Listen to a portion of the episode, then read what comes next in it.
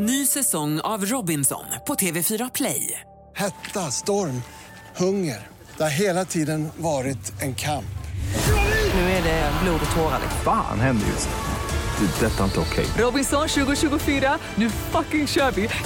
Streama söndag på TV4 Play. Du lyssnar på poddversionen av senaste nytt från Expressen TV.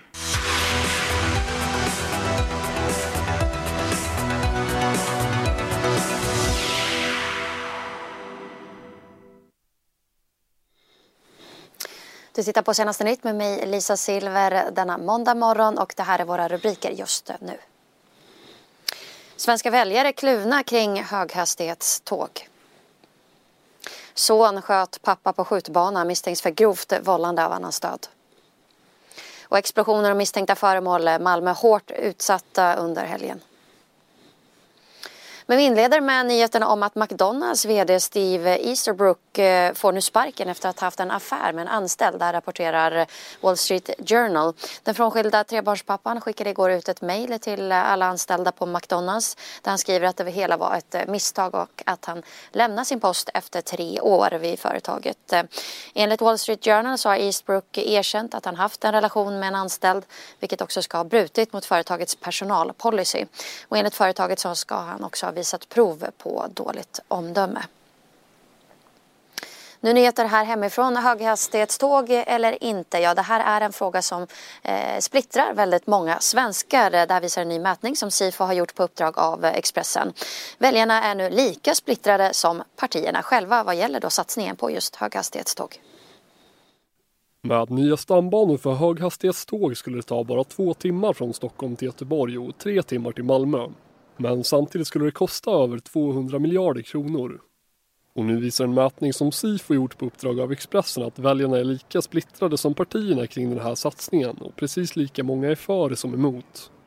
Det är inte Miljöpartiets väljare som är mest positiva utan Vänsterpartiets där 55 procent är för. De följs av Liberalernas 53 procent och Centerpartiets 49 procent. Mest kritiska är Kristdemokraternas väljare där 57 procent är emot höghastighetstågen Även Sverigedemokraternas väljare är skeptiska. Sifos mätning visar också att snabbtågen har starkare stöd bland män än bland kvinnor som är mer osäkra i frågan. Det är också en högre andel yngre än äldre som är positiva.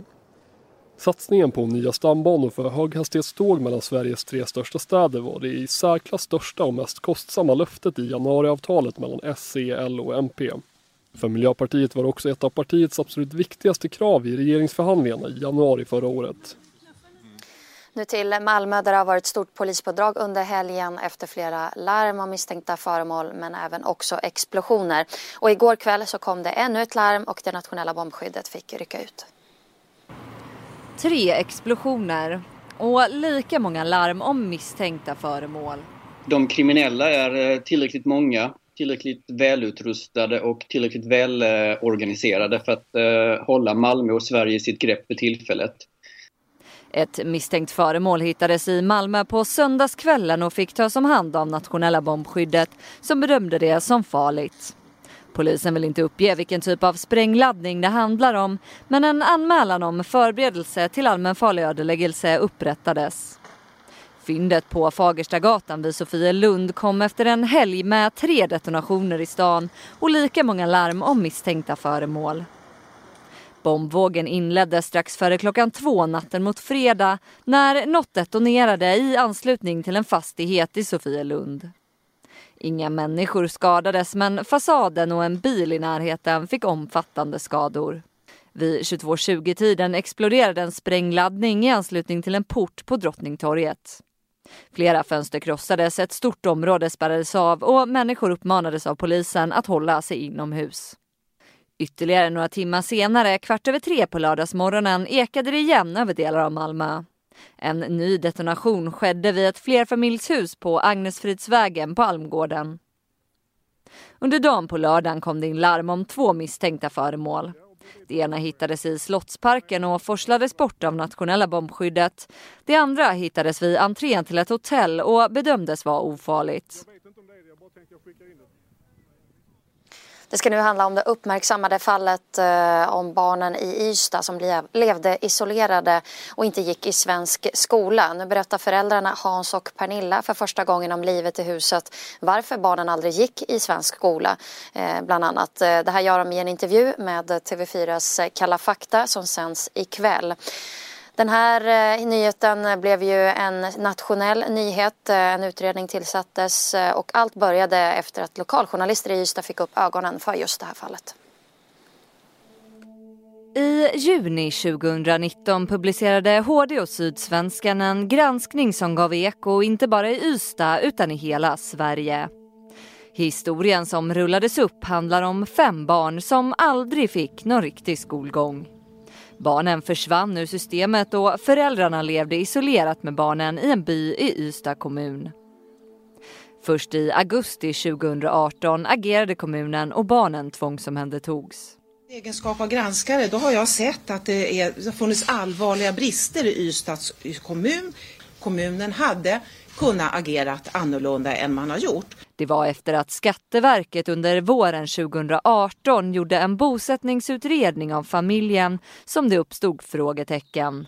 Bland annat handlade det om, om barnens skolgång. En orosanmälan gjordes till socialtjänsten och den 29 augusti 2018 tvångsomhändertogs de fyra yngsta barnen enligt lagen om vård av unga. Enligt socialtjänsten drog sig föräldrarna undan och barnen isolerades.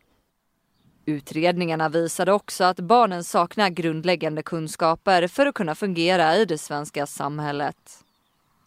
Föräldrarna har hävdat att barnen gått på en exklusiv webbaserad privatskola i USA eftersom föräldrarna reser i jobbet under stora delar av året. På så sätt har Ystad kommun gjort bedömningen att barnen inte varit skolpliktiga i Sverige. Gång på gång godkände kommunen att barnen fick undervisning i den amerikanska skolan. Men barnen gick aldrig på skolan i USA visade sig när kommunens nya skolchef fått upp ögonen för fallet. I Skatteverkets utredning kom det också fram att barnen saknade pass. Det jag ser det är att det på flera ställen i kommunen har saknats kunskap och kompetens kring frågor som gäller anmälningsskyldigheten, utredningsplikten, dokumentation, skolpliktsbevakning. Här är det ganska stora brister tycker jag. Därför vill jag självklart eh, djupt beklaga det som har inträffat eh, och också säga att det vi har gjort felaktigt, de brister som Ann-Marie pekar på, eller det vi inte har gjort alls. Det kan självklart inte i den här situationen göras ogjort. Idag bor barnen på ett familjehem och går i svensk skola. Föräldrarnas enda kontakt med barnen är övervakade telefonsamtal. Och i TV4s Kalla fakta ikväll alltså så kan man se en intervju med föräldrarna där de berättar om det här fallet. Vi går vidare med fler nyheter. Ett fartyg tillhörande det norska rederiet eh, Uggland blev kapat av pirater i Benin i Västafrika. Medan besättningen väntade på lasten så tog sig piraterna ombord och kidnappade åtta personer och kaptenen. Där uppger norska Dagens Näringsliv. Där skeppet låg förtöjt utanför Cotonou i Benin och den kvarvarande besättningen besättningen. Det var de som larmade polisen om det här. Enligt norska Dagens Näringsliv så var samtliga av de kidnappade filippinska medborgare. Och sen piraterna gett sig av så kunde fartyget, fartyget lägga till vid kajen vid 14-tiden på lördagen. Och eh, hela besättningen ska ha förhörts av polisen och får nu stöd av rederiets krisgrupp enligt tidningen. Vi går vidare. Det ska handla om de våldsamma protesterna i Hongkong som bara fortsätter. Över 200 personer greps under lördagen i samband med demonstrationerna. Och igår ska också en man ha fått sitt öra avslitet efter attackerna på ett köpcentrum.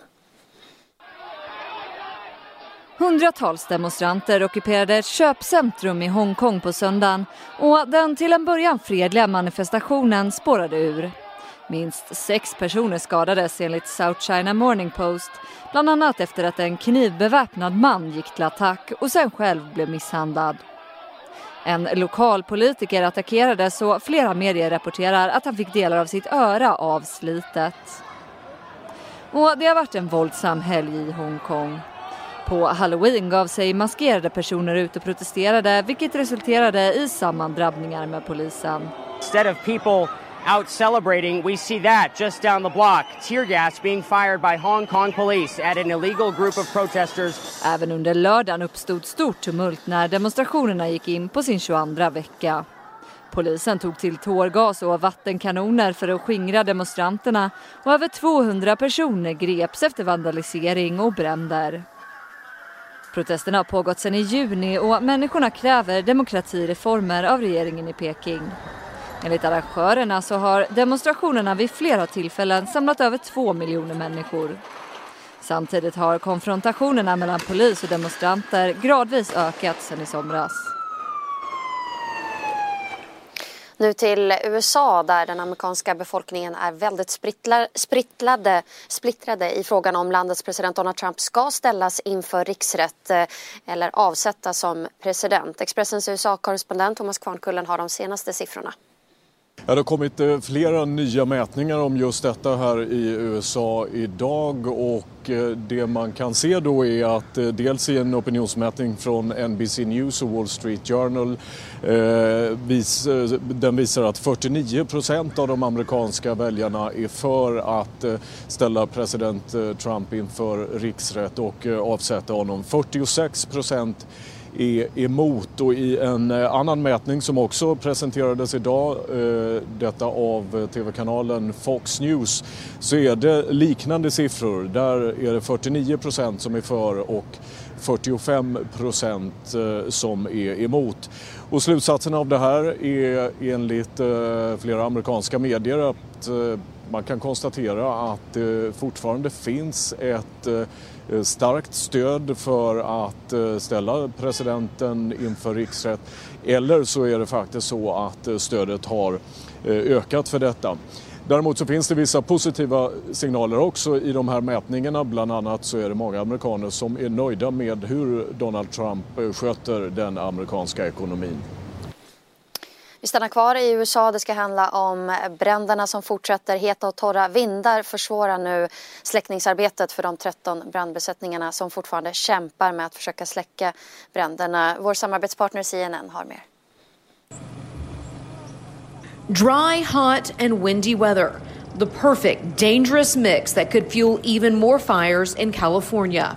We are in the middle of a big fight. Uh, we are about a week into this, and the end is not yet in sight. Hundreds of firefighters up and down the state are still battling 13 wildfires.